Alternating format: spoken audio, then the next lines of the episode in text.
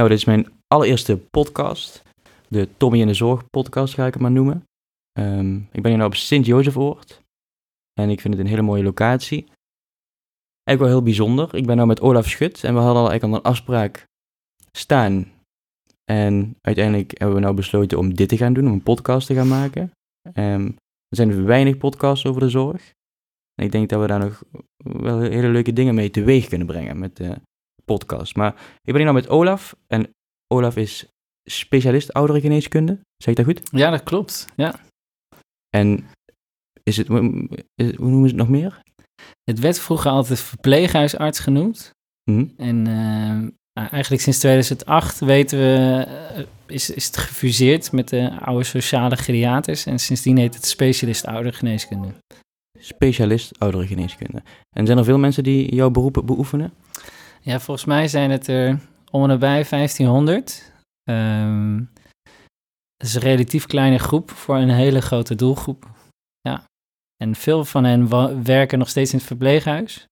En je ziet dat daar een grote cultuurverandering ontstaat. Dat er steeds meer buiten het verpleeghuis gaan werken. Als je nagaat dat 6% van de kwetsbare ouderen wonen in het verpleeghuis. Zes? Ja, dus van alle kwetsbare ouderen woont er maar ongeveer 6% in het verpleeghuis. En, jij, uh, jij, werkt niet in een verpleeghuis? Ik werk uh, op dit moment uh, vooral bij mensen thuis. en ga over een tijdje in Amsterdam ook wel in het verpleeghuis onder andere werken. Maar Mhm. ook bij mensen thuis. En dan, wat voor mensen kom je dan tegen in jouw werk? Ja, eigenlijk allerlei soorten mensen. Dus veel mensen, het is natuurlijk het idee in Nederland dat we steeds langer thuis willen wonen. Deels vanuit de overheid, maar ook wel dat mensen dat graag willen. We worden steeds ouder. Um, en uh, we vinden het ook heel belangrijk om te kunnen doen hè, wat, wat je zelf, hoe je er zelf in staat. Dus veel mensen willen zo lang mogelijk thuis wonen. Wat ik uh, zie is, ik word veel door huisartsen ingeschakeld. Hm? En dan doen we een zogeheten eerste lijnsconsulten. Uh, want de huisarts is de eerste lijn, eigenlijk de eerste Mhm. zorg. En die kunnen ons inschakelen voor heel veel redenen. Maar veel voorkomend is bijvoorbeeld dat ze merken dat het op vele fronten steeds moeizamer gaat. Um, dat uh, iemand steeds meer verschillende klachten heeft, bij veel specialisten loopt. Bijvoorbeeld steeds meer gaat vallen, de medicatie wel eens vergeet, uh, geen thuiszorg heeft, dat liever ook niet wil. Echt een beetje een, een, een, grijs gebied tussen gaat het nog wel thuis of niet. En um, dan zie je dat dit soort patiënten veel naar specialisten gaan in het ziekenhuis. En um, wat wij kunnen is uh, in een korte tijd helemaal in kaart brengen. Dus dan worden wij ingeschakeld door een huisarts met een vraag van bijvoorbeeld, uh, meneer valt steeds vaker, kun je daarin Mhm. meedenken van een onderliggende oorzaak of, of het überhaupt nog thuis wel veilig kan. En dan komen we ja, een paar keer langs en dan brengen we ze eigenlijk helemaal in kaart. Maar, maar die, ik weet wel, als ik in de wijk werk, dan is het toch vaak de huisarts waar Ja. ik mee eh, te dealen heb, zeg maar. En die, eh, die, die heeft het niet zo vaak over zo'n specialist ouderengeneeskunde. Van een verpleeghuis ken ik het wel. Mhm. Maar in de wijk dan, ik zie ze dan niet zoveel. Hoe kan dat, denk je? Ja, ik denk dat het de- toch ook wel deels met de naamsbekendheid te maken heeft. Mhm. Ehm, en dat het ook wel lastig is dat het bijna in elke regio weer anders georganiseerd is. Dus die keten van zorg. hè, dus eh, hoe zijn de onderlinge afspraken gemaakt? Mhm.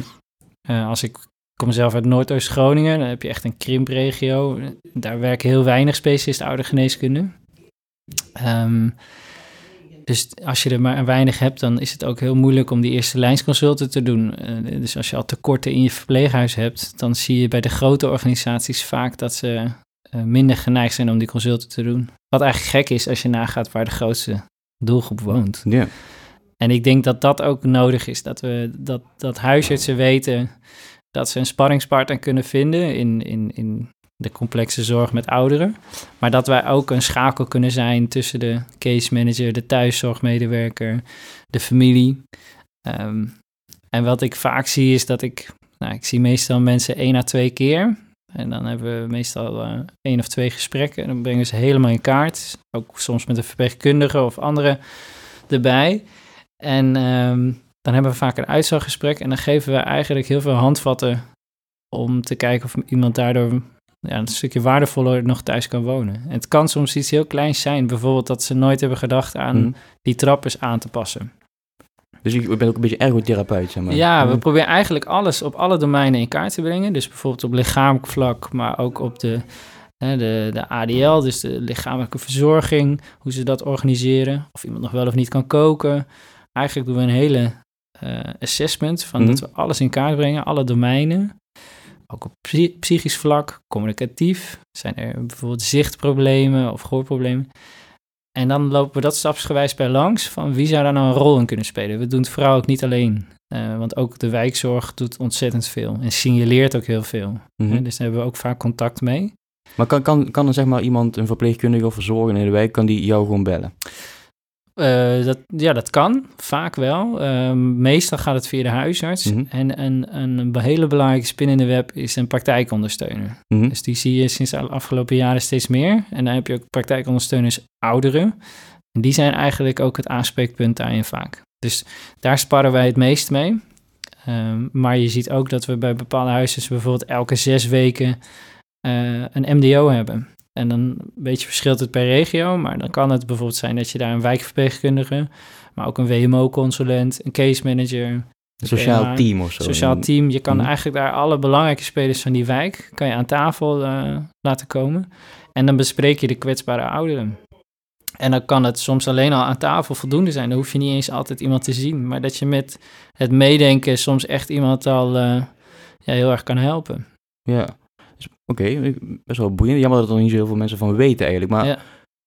als je nou maar even teruggaat in de tijd, hè. Je bent een, eh, je bent een man en eh, je bent nou dokter geworden. Al een tijdje trouwens, hè. Ja. Ehm, wat, wat wilde jij vroeger worden? Toen je, toen je jong was? Vroeger wilde ik eh, professioneel basketballer worden. Oké. Ja, Dus- Met mijn 1,73 meter was dat wel een uitdaging. Heb je Ja. wel geprobeerd? Ik heb het op mijn manier wel geprobeerd. Heel veel, heel veel gebasketbald. Ehm, ja, maar ik, nee, het is helaas niet mogen worden. Nee. En toen? Heb je toen... eh, Toen wilde ik, eh, na een lange zoektocht, wilde ik geneeskunde studeren en wilde ik vooral sportarts worden. Want ik sportte nog steeds heel veel. maar, maar waarom geneeskunde? Geneeskunde omdat mijn vader, die was eh, huisarts. Oké, dat zie je Eh, vaak, hè? Dat dat toch, Ja, die, die toch een beetje in de, in de familie zit, hè? De dokters, toch? klopt. Ja, ja, het- en mijn moeder is zelfs verpleegkundige. Oké. Dus dat zag je ook. Eh, mijn vader had een, een huisartspraktijk in Noordoost-Groningen en, eh, en aan huis. Dus ik heb, Mhm. ik, dus met, eh, ik heb het altijd gezien. Patiëntenzorg hielpen mee als er griepspuiten werden gezet. Dat mocht je- met de registratie. En als ik wat Met ouder was, ouder was, dan mocht ik ook wel eens een griepprik zetten. Oké, Onder supervisie. ja, ja. En eh, ik vond het stiekem eigenlijk altijd heel erg leuk. Maar een beetje in je puberteit, dan kom je in zo'n fase dat je niet... of juist helemaal zoals je vader wil zijn, of compleet niet. Nou, ik wilde het leger in en ik, Mhm. ik wilde vooral heel veel sporten. En ehm, toen zei mijn vader ooit tegen mij... hij zei, je hebt zoveel interesse in de mens en in het verhaal van de mens... Ehm, waarom word je niet gewoon eerst dokter? En dan kun je altijd nog het leger in. ja, je kunt ook eh, legerarts worden, toch? Of, Precies, eh, ja. ja, militair arts. En Ja. dat vond ik eigenlijk wel een hele logische eh, zet van hem. Dat ik dacht, daar heb je eigenlijk wel gelijk in. ja. En dan heb ik een, eerst een hele interessante studie... en dan kan ik daarna een heel mooi actief leven in, de, in het leger hebben. Dus je, je vader is wel een voorbeeld van jou. Ja, ja, mijn vader is een groot rolmodel, mijn beide ouders... maar mijn vader wel uiteindelijk voor, me, voor het pad wat ik heb bewandeld. En, en oké, dan, nou, goed, dan ga je geneeskunde studeren. Dus, ik, ja, ik ben verpleegkundige hè, en ik, ik weet wel, eh, heel veel mensen die in de zorg werken, vinden, kijk ook wel een beetje op tegen de dokter. Mhm. hebben veel geleerd en ehm, ik denk ook de dokters van vroeger dat die wel eh, een beetje anders in hun werk stonden. Ehm, wa- was het moeilijk? De studie? De studie vond ik heel moeilijk, ja. Mhm. Ja, ik vond, eh, mijn probleem was, ik was na mijn middelbare school een stukje naar het buitenland gegaan daarna. En eh, toen ik begon met studeren, las ik elk boek wat er was. Studieboek eh, Mhm. voor de studiestof. Eh, veel studenten gingen veel tactischer kijken, welk, welke belangrijke boeken. Ik las elk boek, elke letter. Mhm. En daardoor vond ik het moeilijk onderscheid te maken tussen kleine details die werden gevraagd. Dus hele zeldzame dingen. Mhm. Ik wist vaak heel goed de klinische ziektebeelden, Mhm. maar minder goed een speciaal eiwit wat ineens werd gevraagd of een, een zeldzaam molecuul. Of, dat vond ik, eh, dat vond ik lastiger. Mhm. Dus ik liep er in het begin best wel tegenaan. En ik heb ook echt overwogen om mijn studie te stoppen op een gegeven moment. Wel? Ja. Dus Ja. de- maar de, de, zeg maar, de, voordat je basisarts bent, dat duurt zes jaar? Ja, ik? ja, in mijn derde jaar overwoog ik eh, te stoppen met de studie. En, dat, en, achteraf, en toen heel veel soul searching gedaan en gekeken van... ik wilde heel lang ook de theateracademie doen, dus ik dacht, ga ik dat dan niet doen? Theater? Nee. Ja. Oké. Je Ja, bent en- al zoekende geweest of zo dan? Zeker zoekende. En dat is ook wel iets wat ik herken bij mede eh, dokters en ook wel Mhm. geneeskundestudenten. Dat het echt een zoektocht is, omdat het eigenlijk een hele brede opleiding is. En heel veel mensen denken, ik word er dokter mee, maar eigenlijk kan je alle kanten ermee op. Maar je- tijdens je opleiding ben je ook, denk ik, heel veel bezig met jezelf. Hè? Je Ja. Bent, ja, ik denk dat dat wel erbij hoort bij jullie opleiding. Tenminste, ik weet niet of het zo is, maar... Nee, zeker. En er is denk ik ook veel meer aandacht voor. Als, en ook wat, wat patiëntencontact met je doet. Als ik vergelijk met mijn vader, heb ik wel eens gevraagd. Hij heeft in zes jaar opleiding één patiënt gezien. En dat was eigenlijk vooral aan de start wanneer hij dokter werd. Mhm. Terwijl nu de geneeskundeopleiding een hele praktische opleiding is. Waar je heel veel stages doet, heel veel patiënten ziet. Vier keer per week wel een patiënt een college had. Dus waar live een patiënt was. Mhm. En ook heel veel eh, aandacht, veel meer aandacht is voor communicatie met de patiënt. Eh, dus ik denk dat daar echt wel een hele positieve verandering in is. Maar wat bijvoorbeeld gek is met die, wat je zei over die verpleegkundigen. Wij hebben in ons eerste jaar een zorgstage. Dan moet je een maandje meelopen met de verpleging. Dan ben je eigenlijk Mhm. even tijdelijk helpende. Mhm. Eh, of dan help je in de zorg. Ik vond dat super leerzaam. Ik heb dat in het ziekenhuis gedaan. Ja. En dan moet je mensen wassen en aankleden en de wondverzorging Dat hoort er helpen. bij, Dat bij hoort er echt bij. Ja. Maar dat is helemaal in het begin van de opleiding. Ja. En, en, en veel mensen eh, ja, hebben daar toch wisselende ervaringen bij. Wel leerzaam, maar daarna ga je echt door met je opleiding. En dat Mhm. ik wel eens achteraf denk van... het had leerzamer geweest als ik dat helemaal aan het einde van mijn opleiding had gehad. Omdat ik nu meer dan ooit realiseer... Ja, hoe wij leunen op de verpleging en dat onze handen en voeten zijn, onze ogen. En dat wij soms patiënten maar zo'n kort moment zien Mhm. ja, dat, dat, dat, je, dat je elkaar echt nodig hebt. En dat je elkaar ook af en toe blindelings moet kunnen vertrouwen. En dat realiseerde ik me beter toen in die fase, in dat eerste jaar. Maar ja, daar gaat zes jaar overheen. En dan heb ik wel eens het gevoel dat mensen dat vergeten eigenlijk. En ik denk dat dat medespeelt in, in die rollen en in, in die hiërarchie die er misschien nog steeds wel is. Ik vind, ik vind het wel mooi. Je zegt vertrouwen, hè? dat is denk ik heel belangrijk in de zorg. Maar even, even terug naar jou. Je, ja, je hebt dus de basisarts en daarna ben je oudere geneeskunde gaan studeren. Maar Ja, dat is eigenlijk toch... Ja, niet iedereen kiest daarvoor. Waarom, waarom kies jij specifiek voor de doelgroep oudere mensen? Want die worden niet meer zo snel beter. Nee, dat klopt. Nee, dat is, dat is eigenlijk, denk ik, bij mij ontstaan dat ik het sportarts heel snel had verlaten, dat, Mhm. dat beeld. Ik heb een keuzevak gedaan, toen merkte ik dat het voor mij niet de doelgroep was waar ik eigenlijk nou op zo- zoek was. Ik had toch wat meer met mensen die toch wel ziek waren. Mhm. Eh, ehm, en toen kwam ik op revalidatiegeneeskunde. Daar heb ik mijn hele studie eigenlijk op gericht. Onderzoek gedaan in India en eh, ook keuzevakken in gedaan, mijn oudste kooschap.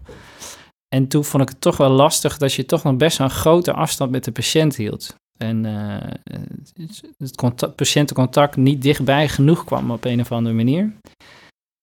En toen dacht ik, ik word maar huisarts. Want dat, dat was dan een soort van laatste keus, wat eigenlijk belachelijk is. Want het is een ongelooflijk complex vak. Maar toen dacht ik, ja, daar vind je alles, alle Ja. interesses. Ja. Word ik toch zoals mijn vader. Mhm. Eh, en die zei, eh, ga maar in het verpleeghuis werken. Dat is het meest complexe doelgroep voor een huisarts. Als je Mhm. dat een beetje onder de knie hebt, dan komt het huisarts worden wel goed. En hij had denk ik niet gerealiseerd dat, dat het effect uit iets anders zou worden. Want Dus jij ging eigenlijk met de intentie naar het verpleeghuis van nou, uiteindelijk wil ik eh, huisarts worden. ja, En toen is er iets anders gebeurd, zeg maar. ja, mijn eerste ervaring was niet meteen liefde op eerste gezicht. Ik, ik had toen net in Suriname nog kooschappen gelopen. En toen ging ik in de Bijlmer in een verpleeghuis starten. Ja. Qua sfeer fantastisch. En Mhm. ik heb eh, ontzettend leuke bewoners gehad. Maar eh, er was niet zoveel begeleiding. Dus ik had, het was een locatie die ja, enorme onderbezetting had qua dokters. Mhm. Dus toen heb ik ook eh, gekozen om daar niet in verder te gaan na een paar maanden. Een klein uitstapje gemaakt naar de verslavingszorg. En daar kwam ik heel veel ouderen tegen. En met verslavingsproblematiek, Mhm. met drankproblematiek, met eh benzo-afhankelijkheid, slaapmedicatie. En ik vond dat stiekem eigenlijk heel erg interessant. Vooral omdat ze zulke mooie verhalen altijd hadden en zo anders waren dan die jongeren Mhm. die aan de GHB verslaafd waren. Ehm, en toen zeiden heel veel collega's tegen mij, volgens mij moet jij iets met die ouderen weer gaan doen. En ik Mhm. had het in mijn hoofd al helemaal afgeschreven. Maar toen viel het allemaal op zijn plek. En als ik dan nu jaren later terugkijk, ben nu bijna klaar met de opleiding tot specialist. Dat is een driejarige opleiding. En eh, ik heb daarvoor dus ook een tijdje in de ouderenzorg gewerkt. Merk ik dat die doelgroep zo ontzettend leuk is. En het is, met, er is geen dag hetzelfde. Vooral het werken met mensen die dement zijn, eh, dementie hebben, dat vind ik zelf heel erg mooi Ja, maar waarom dan? omdat je eigenlijk als dokter niet een standaard doktersrol hebt. Dus ik schrijf niet alleen maar pillen voor. Ik, ik, eh, ik denk niet alleen maar in diagnoses. Maar eh, je weet dat iemand dement is. Je weet dat ze een beperkte tijd hebben om nog te leven. En je kijkt eigenlijk naar veel, veel grotere dingen dan, dan alleen de lichamelijke klachten. Je kijkt ook naar bijvoorbeeld... eh, kunnen ze door die lichamelijke klachten ineens niet meer activiteiten doen? Eh, eh, hoe kun je die activiteiten dan nog op een bepaalde manier aanpassen dat ze het wel kunnen doen? Hè? Kon iemand piano spelen, maar kan die door zijn ziekte dat niet meer? Mhm. Hoe kan je dan wel zorgen dat hij nog van pianomuziek kan genieten? En dat, ook met dat soort dingen denk je heel veel mee. En je denkt het heel erg in een team. En het zijn mensen die heel dankbaar vaak zijn, omdat ze ja, toch wat anders in het leven staan dan jonge mensen. Maar, maar, wat je zegt, je, je hebt dan geneeskunde gestudeerd. Het woord zegt het al, bij deze mensen worden niet meer beter. Nee. En dan moet er toch wel iets zijn met die doelgroep die jou dan toch triggert of zo. En Ja, ik vond het heel bevrijdend. Dat heb ik ook wel eens een keer gezegd. eh, dat ik vind het heel bevrijdend om niet alleen in diagnoses te denken. Mhm, En, en zo is wel de opleiding heel erg ingericht. Iemand komt met een klacht. Je denkt in een bepaald patroon en het zal een bepaalde ziekte kunnen zijn. En je denkt in een behandeling. die gaat oplossen, die wil je oplossen. Fixen. En dat, dat zit er ook soms nog wel in. Mhm. En dat kan ook heel nuttig zijn. Dat is ook af en toe zeker nodig eh, in acute situaties. Ja. Of bij bepaalde klachten die je daardoor toch nog kan verhelpen. Want dat vergeten ook heel veel mensen, denk ik, dat je bij ouderen ook echt bepaalde klachten zeker nog wel kan verhelpen. Ja. Ik, bedoel, ik, ik heb ook wel eens eh, dat ik een schouder, eh, dat ik daar een, een injectie in heb gegeven en dat iemand daardoor pijnvrij eh, geen pillen nodig heeft. Ja. Nou, dat vind ik heel mooi om te kunnen doen.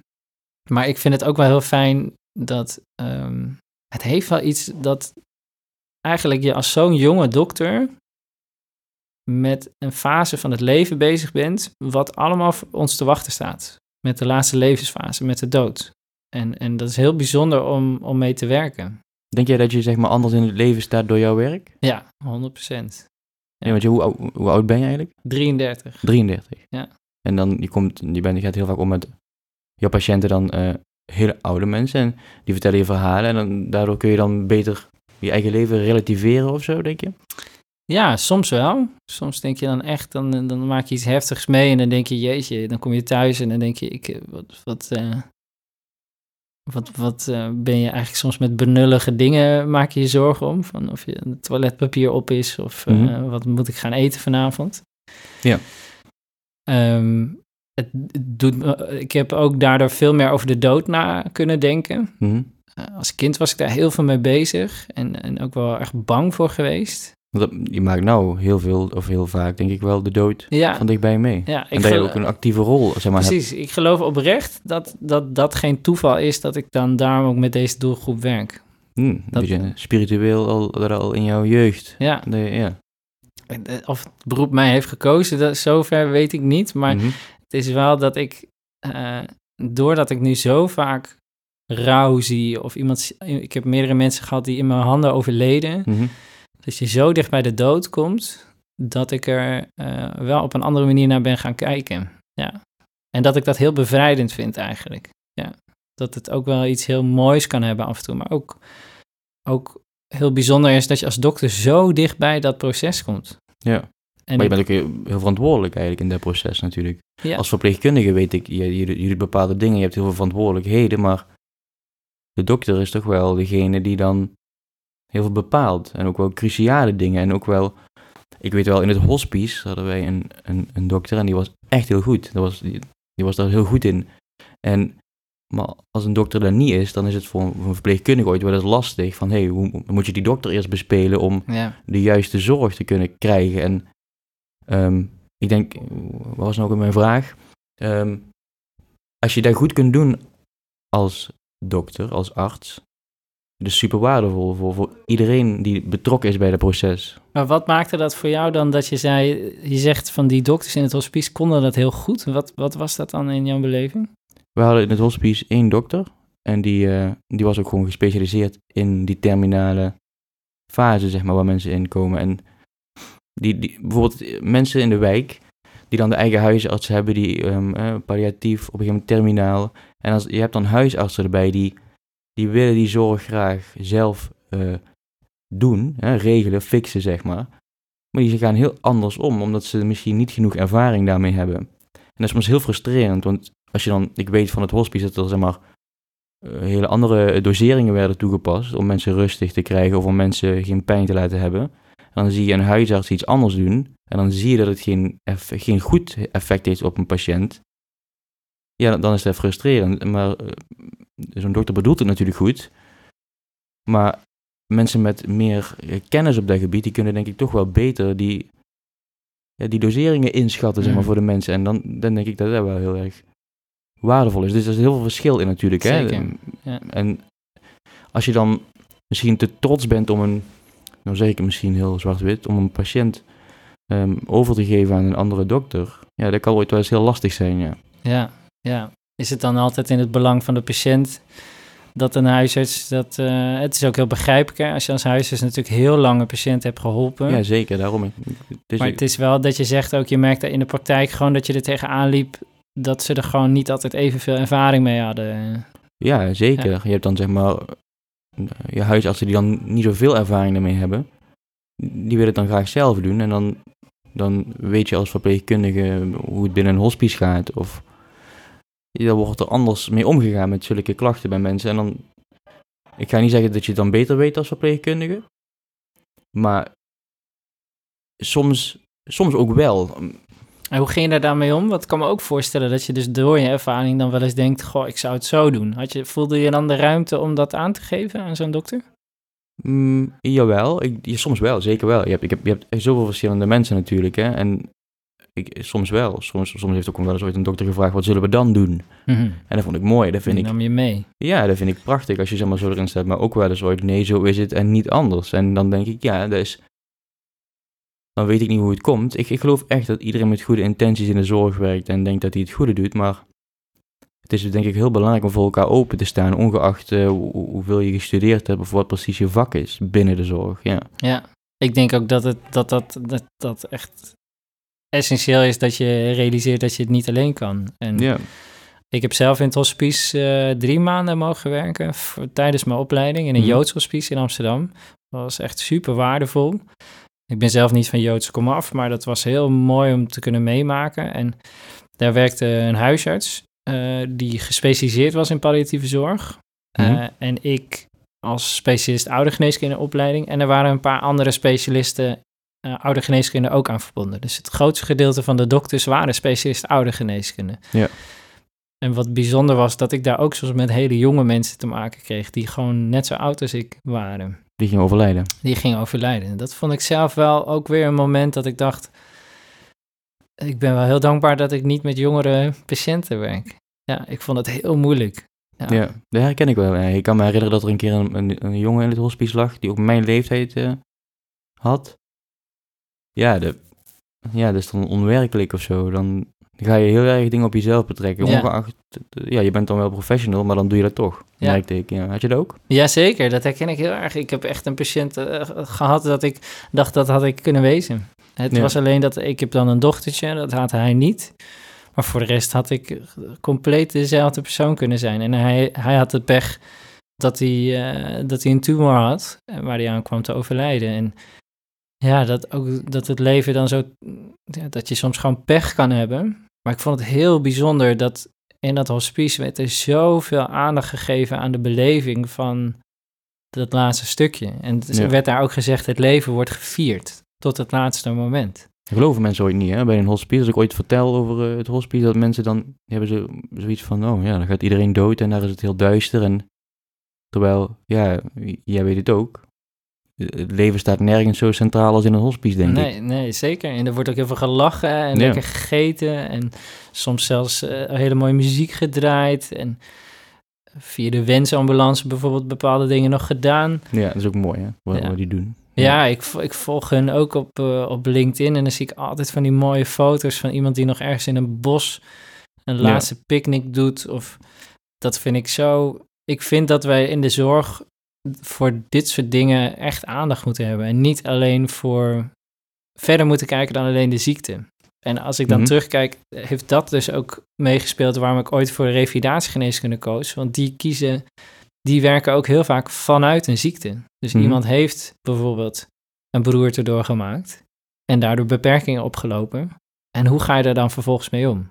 Ja. En dat is zo'n andere manier van denken. En, en, en dat is wel, denk ik, ook lastig. eh, dat veel geneeskundestudenten dat niet gewend zijn om te denken. Dus is het ook logisch dat je daardoor sneller voor een beroep zal kiezen later, waar je eh, zes jaar lang wat over te horen hebt gekregen. En Mhm. daarom kiezen denk ik zoveel mensen ook voor het ziekenhuis. Dat ze denken, ja, ik, ik, vind, ik hou van de actie, ik wil mensen kunnen genezen. Ja, en dat, en dat ik nu wel steeds, ik denk dat, dat het grootste gedeelte van de specialist oudergeneeskunde in opleiding nooit dat van tevoren dachten te zullen worden. Omdat je in de opleiding er weinig van ziet. Nee, ik heb in Amsterdam op de UvA gestudeerd. Ik heb geen enkel college van een specialist oudergeneeskunde in zes jaar tijd gehad, maar ook niet van een geriater. Eh, dus ik wist helemaal niks van oudergeneeskunde qua specialismes. Ik had er nog nooit van gehoord. En dan is het natuurlijk heel lastig om voor iets te kunnen, eh, wel of niet te kunnen kiezen als je überhaupt niet weet dat het bestaat. Eh, of dat er verkeerde verhalen over bestaan. Dus ik geef nu elke week eh, les, ook op de VU, aan geneeskundestudenten, Mhm. vlak voordat ze hun stage gaan lopen in het verpleeghuis. En dan vragen mensen ook heel vaak hetzelfde aan mij. Waarom heb jij in godsnaam voor dit vak gekozen? Mhm. Ehm, ja, dat... En, en, eh, Het is ook niet voor de hand liggend, hè? Kijk, je bent eh, jong, je bent een man, je hebt, Ja. je hebt ook tatoeages volgens Ja. mij. ja, dat klopt. En dan werk je ehm, in de zorg Ja. en ook nog eens met oudere mensen. Ja, ja dus de, die vragen krijg je dan inderdaad van wat maakt het dan? En ik denk dat, dat je... eh, dat hoe ouder je wordt, en ik ben helemaal nog niet oud, maar ik sta aan het begin van mijn carrière, maar is dat je wel steeds meer gaat kijken waar krijg ik energie van en waar word ik gelukkig van. Ja. En voor mij is dat af en toe een onorthodoxe rol van de dokter, eh, gecombineerd met ook een hele pragmatische rol. Dus ik ben af en toe ook een soort huisarts, Mhm. alleen dan voor alleen maar ouderen. Ja, dus ik, ik heb ook wel eens een teennagel weggehaald, omdat hij een ontstoken, eh, een ontstoken teen veroorzaakte. Of Ja, ja. een schimmelinfectie behandelen. Dat doe je ook. Of een, een, de diabetes van een suikerpatiënt goed instellen. Dat doe je ook. En- Ehm, En wat vind je nou echt, als je dan heel specifiek kijkt naar jouw vak, wat vind je nou echt het mooiste wat je zeg maar tegenkomt bij de dingen die je nu mag doen? Wat ik het mooiste vind om te doen, is denk ik ehm, iemand in de laatste levensfase, met name het laatste stuk, ehm, zo goed mogelijk kunnen begeleiden. En- echt het allerlaatste bedoel je? Ja, ja dat, vind, die, dat vind ik denk ik een van de meest waardevolle stukken. Gecombineerd als tegenhanger eh, mensen ondersteunen in de thuissituatie. Dus door die, door die consultatieve rol in de, in, de, in de eerste lijn. Mhm.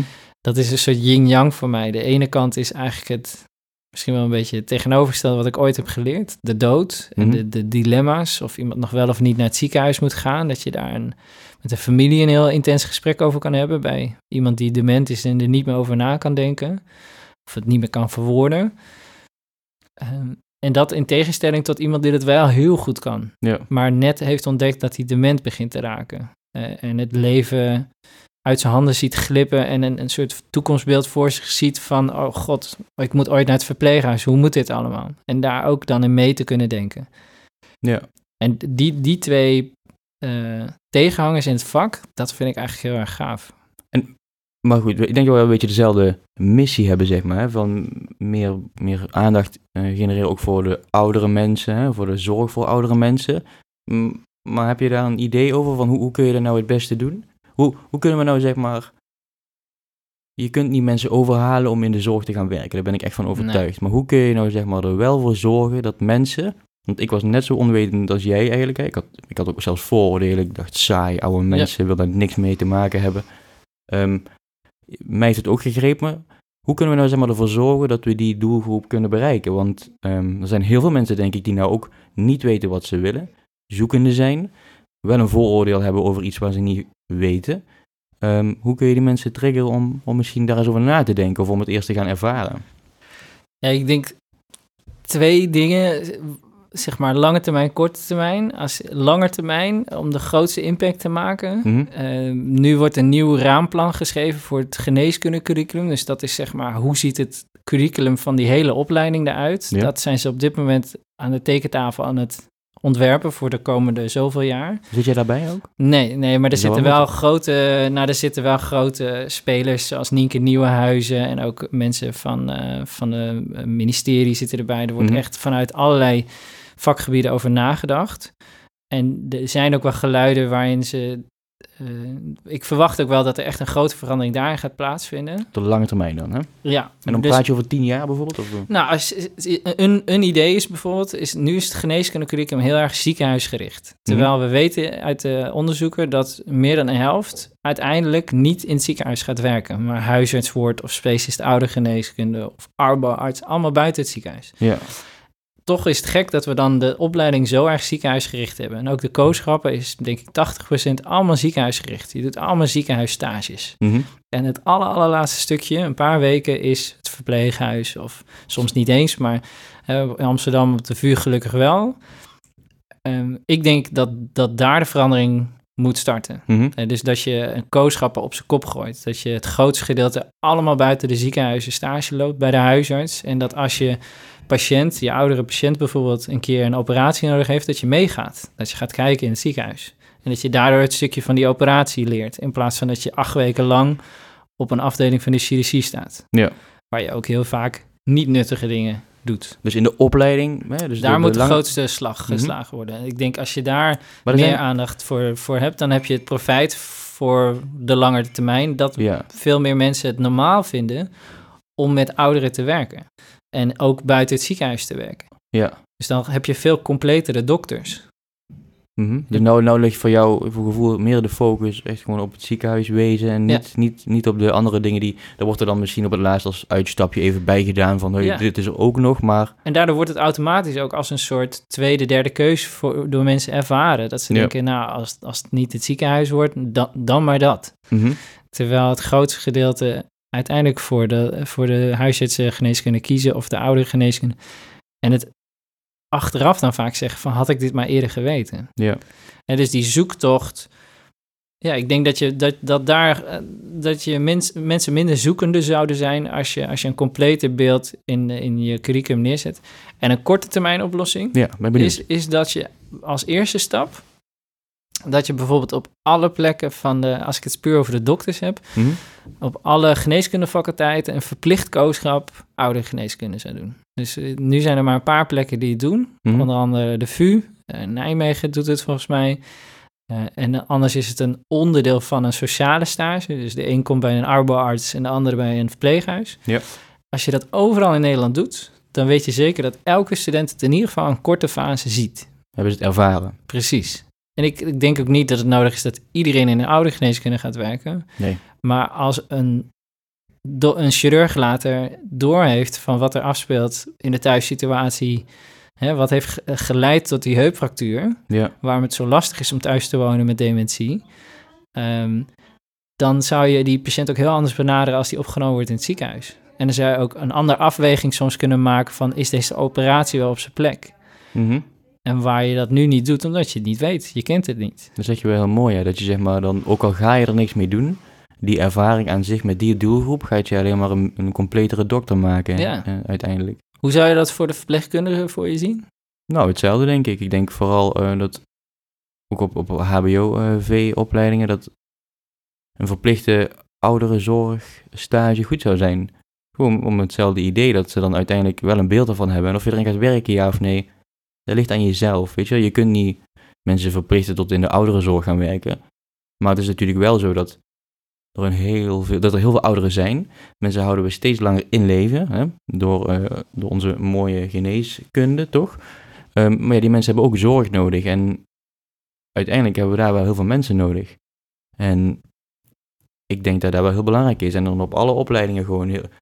Bij de verzorgingopleiding ben ik wel van overtuigd dat daar ouderenzorg, uh, dat is daar gewoon, uh, ja, daar gaat het heel vaak over. Hè? Verpleegkunde is dan toch ook weer heel vaak, oh, het ziekenhuis. Mhm.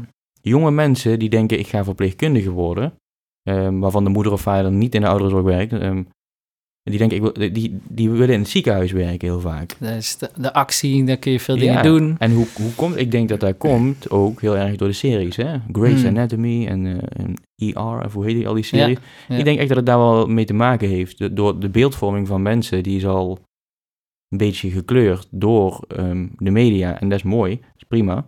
Ehm, ik denk dat er ook een keer een serie over de ouderenzorg mag komen of zo. Ja.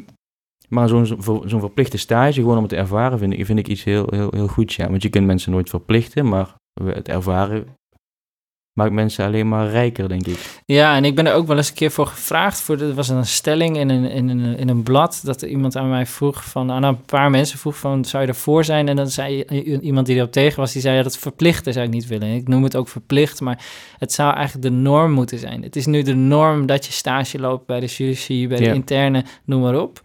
En het is niet de norm, het is de afwijking, eh, de uitzondering... dat je een keer in een verpleeghuis een stage zou kunnen lopen. Terwijl daar zou een verandering in moeten plaatsvinden van, eh, van ook een cultuurshift.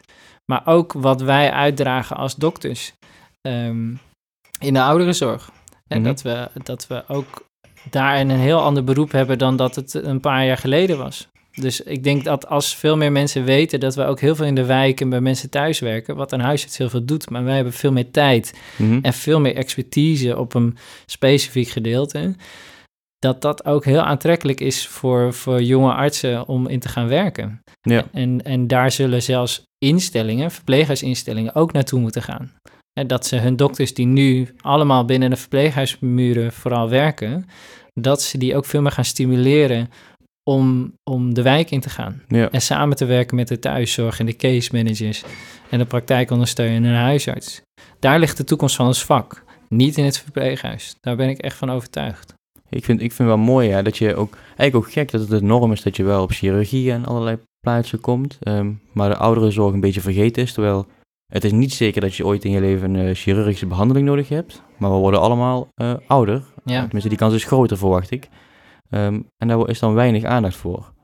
Oké, de- n- nog een laatste dingetje, de toekomst hè. Ik ben best wel positief over de zorg, ik denk dat het allemaal goed komt, ehm, niet zonder eh, enige inzet. Hoe, denk jij, hoe, hoe kijk jij naar de toekomst van de zorg? Want er zijn nou een hoop problemen, veel in de media. ehm, Wetzorg de en grote dwang. wetzorg en dwang is ook een dingetje, las ik vandaag. Hoe, hoe, hoe zie jij de toekomst? ja ik denk dat er heel veel gaat gebeuren. En ik denk dat, eh, dat er ook veel gaat innoveren in, eh, in eh, specifiek de ouderenzorg. Mhm. Dus dat we een hele andere manier van werken gaan, eh, gaan nodig hebben. Maar ik zie dat heel positief in, inderdaad. Ik denk dat, er wel, dat we allemaal onze schouders eronder moeten zetten. Want we, we- bijvoorbeeld mijn collega's en wij hebben het heel zwaar. Hè?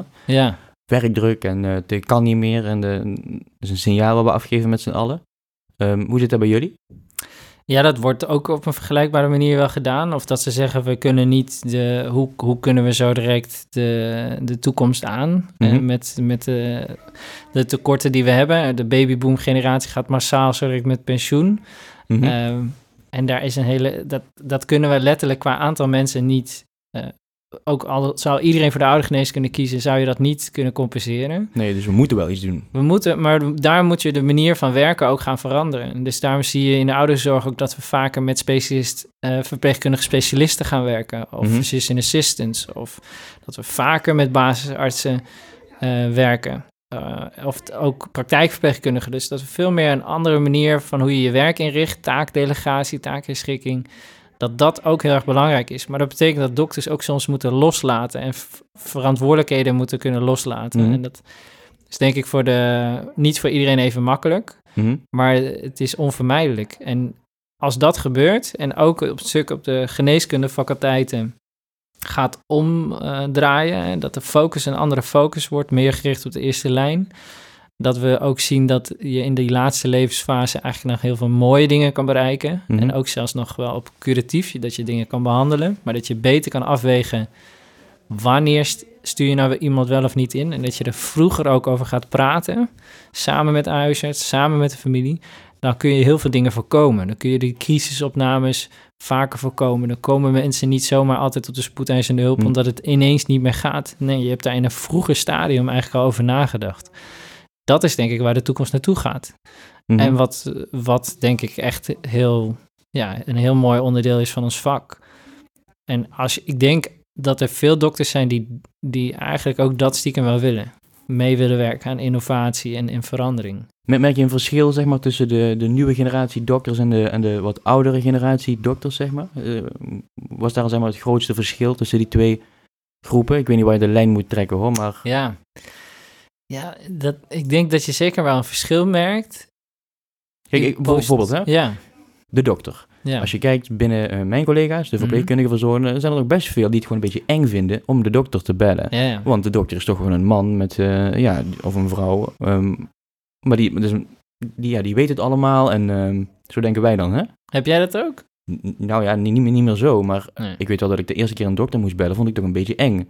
Ik heb ook al een dokter aan de telefoon gehad die, die niet zo aardig deed. En dan, dan denk ik, ja, dan vormt je dan wel natuurlijk een beetje van, ehm, als je dan de reactie krijgt van, ja, raar dat je dat vraagt. Of ehm, ehm, gewoon heel kort afdoen. Maar ik heb merendeel van de dokters die ik heb gesproken in mijn loopbaan tot nu toe, vonden het juist superleuk als ik een, een vraag stelde, dat ze mij dingen uit konden leggen. En, dus ik snapte ook voor mij is die angst er niet meer, ehm, maar ik merk wel dat dat er nog best wel veel is. Van, dat ze de dokter Ja. toch op een soort voetstuk plaatsen van, oh, die weet eigenlijk alles wel en ik moet maar geen domme vragen stellen. En ehm, ja, die zal het wel eh, druk hebben met... eh, snap je wat ik bedoel? Ja, dat er een soort kloofje is Ja. of zo nog steeds tussen, tussen de, de verpleegkundige, verzorgende, helpende, maakt niet uit, en, en de dokter. Ik denk dat het, dat het zeker een groot verschil eh, daarin is ontstaan. Ook, ook zelfs in het ziekenhuis, Mhm. dat je daar een verschuiving ziet. Bepaalde specialismes is het nog wel wat meer hiërarchisch. Eh. Bij de chirurgie echt wel wat meer. Als co-assistent dan mag je op bepaalde plekken zomaar niet gaan zitten bijvoorbeeld. Dat mag niet. Eh, nee, dan, dan hoort daar de specialist te zitten. En dan Op- op zit, het stoeltje je, zit je op de befaamde co-assistentenkruk. Mhm. Dat verandert wel steeds meer. En ik denk dat er wel steeds meer een teamgevoel is. eh, alleen al onder de artsen ook. maar, Ehm, maar, maar richting verpleegkundige... richting verpleging zie ik, zie ik zeker een verandering. Als ik naar mezelf kijk, ja, eh, als ik bijvoorbeeld visite doe met een verpleegkundige, dan vraag ik heel uitgebreid vaak hoe zij het zien. En, Ja. en eh, of zij vinden dat het heel anders gaat. Of, of dat zij zich zorgen maken. Of waar, waar denk je zelf aan? Ik nodig ze heel vaak uit om, om zelf ook over die dingen na te denken. En ik, ik hang dan ook op dat moment aan hun lippen, omdat ik ook nog maar in de startblokken sta. Ik heb wel Mhm. een hele berg aan kennis, maar het is ook deels geleerd uit boeken.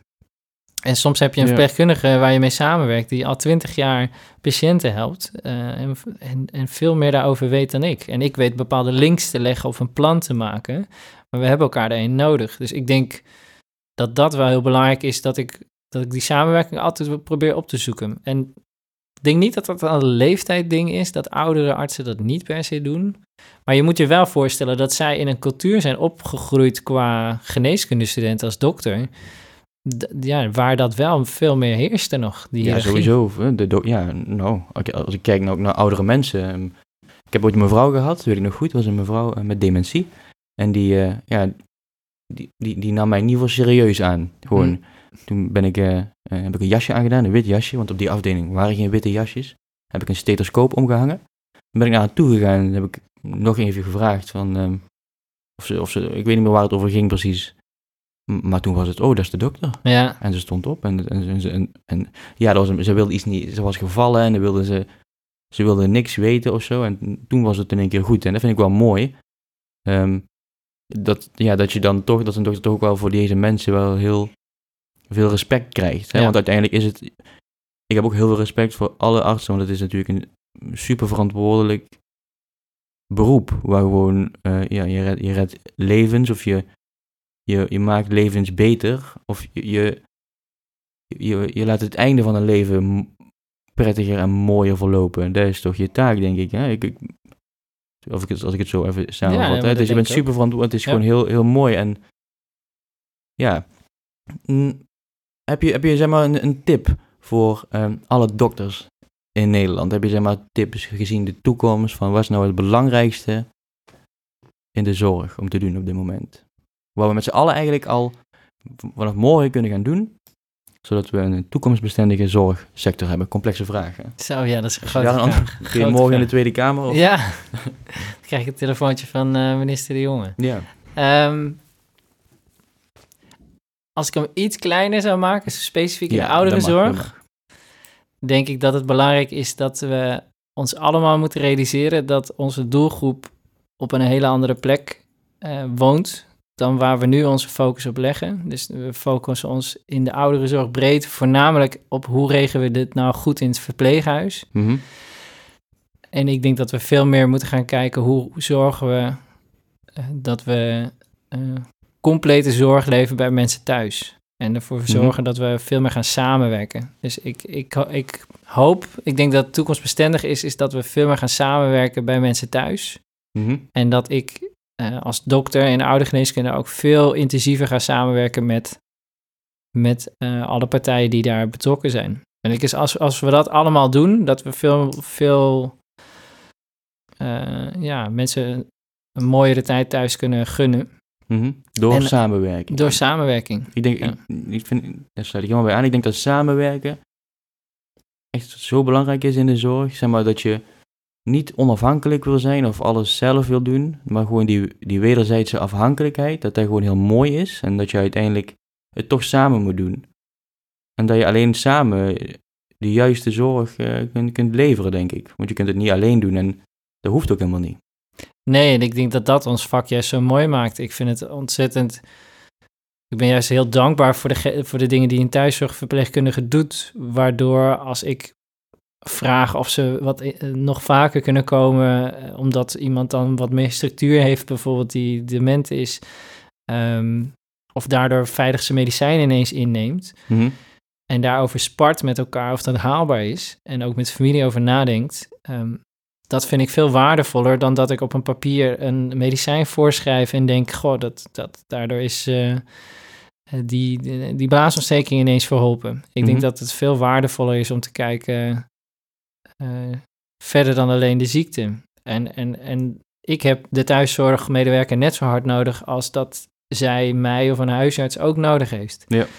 En als we dat beter realiseren, dat we niet eh, allemaal in onze eigen eilandjes denken, denk ik dat je, dat je de ouderenzorg veel behapbaarder maakt. Ja. Ja. maar er zal, en, en zal dat uiteindelijk ook leiden tot successen, waardoor misschien in de politiek, maar ook van, vanuit andere, eh, de zorgverzekeraar, eh, instellingen, dat ze ook een cultuurshift zullen gaan zien. En Mhm. zullen gaan zien dat je daar dus ook veel meer in kan gaan investeren en kan vertrouwen dat je het anders kan gaan inrichten. Vertrouwen is ook een ding, hè? Ja, Ja, vertrouwen. eh, Als je, als je het even we hebben, hebben over de, de bureaucratie en zo, en de, daar zul je ook last van hebben, denk ik. Hè? Dat heeft ook wel met vertrouwen te maken. Van, ik denk wel zoiets van, laat dingen toch een beetje los. Hè? Alles, alles registreren en aftekenen en vastleggen en aanvullen in zo'n, sowieso, ehm, die mappen die er nog steeds zijn, die, die papieren mappen. ja. Ehm, ja, dat heeft ook met vertrouwen te maken, denk ik. Alles Ja. aftekenen. Ehm, heb jij er ook last van in jouw werk? Dat je echt heel veel moet verantwoorden? Nou, die mappen, daar moest ik wel bij lachen. Want voor mij is dat soms ook wel handig. Want ik, ik kom wel eens bij iemand Ja, en, en, en dan, dan kan ik daar toch een deel van de informatie in vinden. Maar ik, ik snap heel goed wat je bedoelt. Ik denk dat het zijn doel op een gegeven moment voorbij eh, gaat. En, Ja. en, en, en, en het ook bijna een soort wantrouwen ehm, aanwakkert. Van, hè, van eh, ik moet blijkbaar verantwoorden of ik mijn werk wel goed doe. En wij moeten het ook veel voor de financiën, om te kijken dat je wel goed wordt betaald voor de consulten die je bijvoorbeeld doet. mhm. Of de tijd die je aan een bepaalde behandeling eh, besteedt. Ja, ik denk, denk dat dat niet het doel op zich zou moeten zijn. Maar het doel op zich is dat je iemand goed wil, wil helpen. En als je meer tijd bent met kwijt bent met registreren dan met eigenlijk eh, iemand helpen, ja. dan is er iets fout.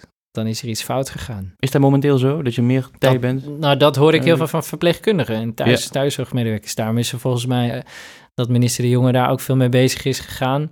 En dat er, dat er geluiden zijn om, om meer dingen af te schaffen. Vraag me af of dat in hoeverre dat in de praktijk dan ook al meteen voelbaar is. Maar, Dat valt mee.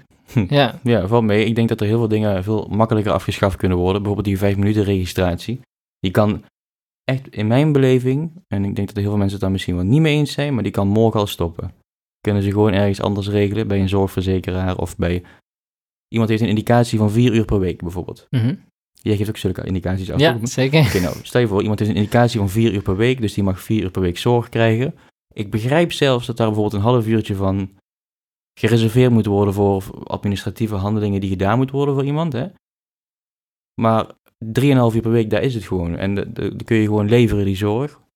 En huisje in, huisje uit, uit op je telefoon eh, om te registreren hoeveel minuutjes ergens je bent, is dan niet nodig, denk ik. Nee. En ik weet zeker als je zeg maar aangeeft aan collega's, nou je hebt daar ongeveer een half uur.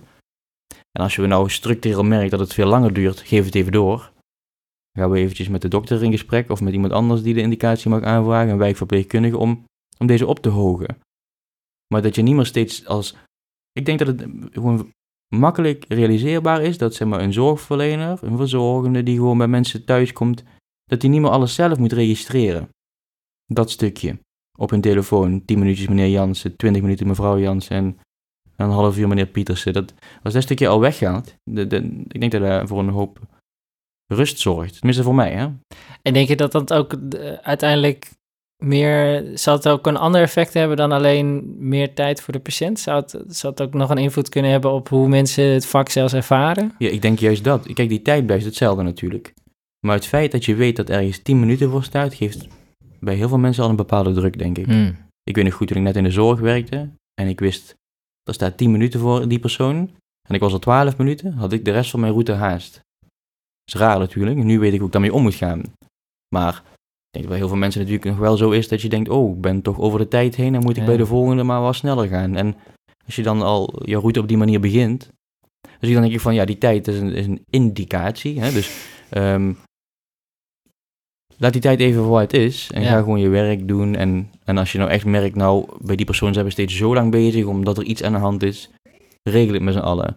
Maar dat je niet steeds meer, ehm, terwijl je aan het bed staat, eh, om maar zo te zeggen, je telefoon erbij moet houden van hoe lang ben ik hier. Dat vind ik niet nodig. Nee. Dan kan me ook voorstellen dat je gewoon minder aandacht hebt eh, voor echt letterlijk ook delen van je werk. Dat je net even die, dat het stuk van de wond of een, eh, een handeling of, of die patiënt angstig is of niet, dat je daar allemaal minder aandacht voor hebt, omdat je eigenlijk een beetje in je achterhoofd met iets heel anders bezig bent. Ik denk wel, ja, inderdaad, als je zeg maar achterloopt, om maar zo te zeggen, dan, dan krijg je haast en dan heeft dat echt effect op hoe je je werk doet. En ik, ik ben er echt wel van overtuigd dat iedere zorgverlener toch die wond goed verzorgt en dan weer gewoon weer doorgaat. Maar dan nog, we hoeven die, die werkdruk niet te ervaren. En ik denk dat het ligt ook een beetje aan jezelf, hoe je bent, maar ook wel een beetje aan het systeem waarin wij nu moeten werken. Maar al met al, werk in de zorg blijft mooi, daar ben ik echt, eh, dat, dat vind ik gewoon zo. En ehm, Ja, want je ziet hier ook kansen in. En eigenlijk heel praktisch gewoon, zijn het helemaal niet zulke grote stappen, zeg jij. Ik denk van niet. Ik denk gewoon, kijk, die uren die moeten ergens geregistreerd worden. En dat kan iemand op het hoofdkantoor ook prima doen. Door gewoon alles op oké te zetten. En mocht het dan, Oké, tenzij. ja, inderdaad, ja, ja, ja oké tenzij, zorg en dwang. Nee, ik denk, ik denk echt dat, dat het wel anders te realiseren is. Dat je zeg maar wel zo'n telefoon hebt waar je in je dus kunt zien, nou hier moet je toe. En wat moet je daar doen? En, en hoe gaat het nu met die persoon een beetje? Ja. En wat is daar het beeld? En dat je dan vervolgens binnenkomt en dat je daar gewoon zonder een map te zoeken of zonder eh, ergens formulieren in te vullen, dat je gewoon met die persoon samen kunt zijn. En dat je dan kunt kijken van hey, hoe kan ik op dit moment het beste voor diegene zorgen? En of dat nou een douche, douche is of, eh, of iets anders, maakt niet uit. Dat kan een zorgverlener goed zelf eh, bepalen, denk ik, samen met die eh, persoon op dat moment. Ja, ik denk wel dat het te realiseren is. Dat denk ik zeker. Ik weet eigenlijk niet eens hoe lang we nou hiermee bezig zijn met deze podcast. Er staat hier geen tijd in beeld en ik vind het een leuk gesprek. Ehm, maar hoe lang duurt zo'n podcast eigenlijk, weet je het? Ja, een half uur, een uur, kan Hmm. van alles. Ja, Oké, we zien dadelijk hoe lang het is geweest. Ehm, ik vind het in ieder geval een superleuk gesprek. En, ehm, ja, het is mijn eerste keer dat ik een podcast opneem met Olaf Schut. Hier in het mooie Nuland. Sint-Jozefoord, ja, heet het hè? Ja. Ik vind ja, echt respect voor deze mensen hier, omdat we vandaag gewoon nog hier gewoon mochten gaan zitten in een vergaderruimte met twee microfoons. Praten over de zorg. Ehm, en ik hoop dat de mensen met een beetje plezier hebben geluisterd. Hoop ik ook. Wat vond je ervan? Ja, ja ik vond, vond het leuk om te doen. Dankjewel dat ik het ook eh, samen eh, dit gesprek kon hebben met jou. Dit is de eerste keer en dan gaan we gewoon nog een keer overdoen, goed? Lijkt me goed. Oké, nou, dan ga ik het nou beëindigen. Dankjewel. Jij ook bedankt voor eh, jouw input. Graag gedaan.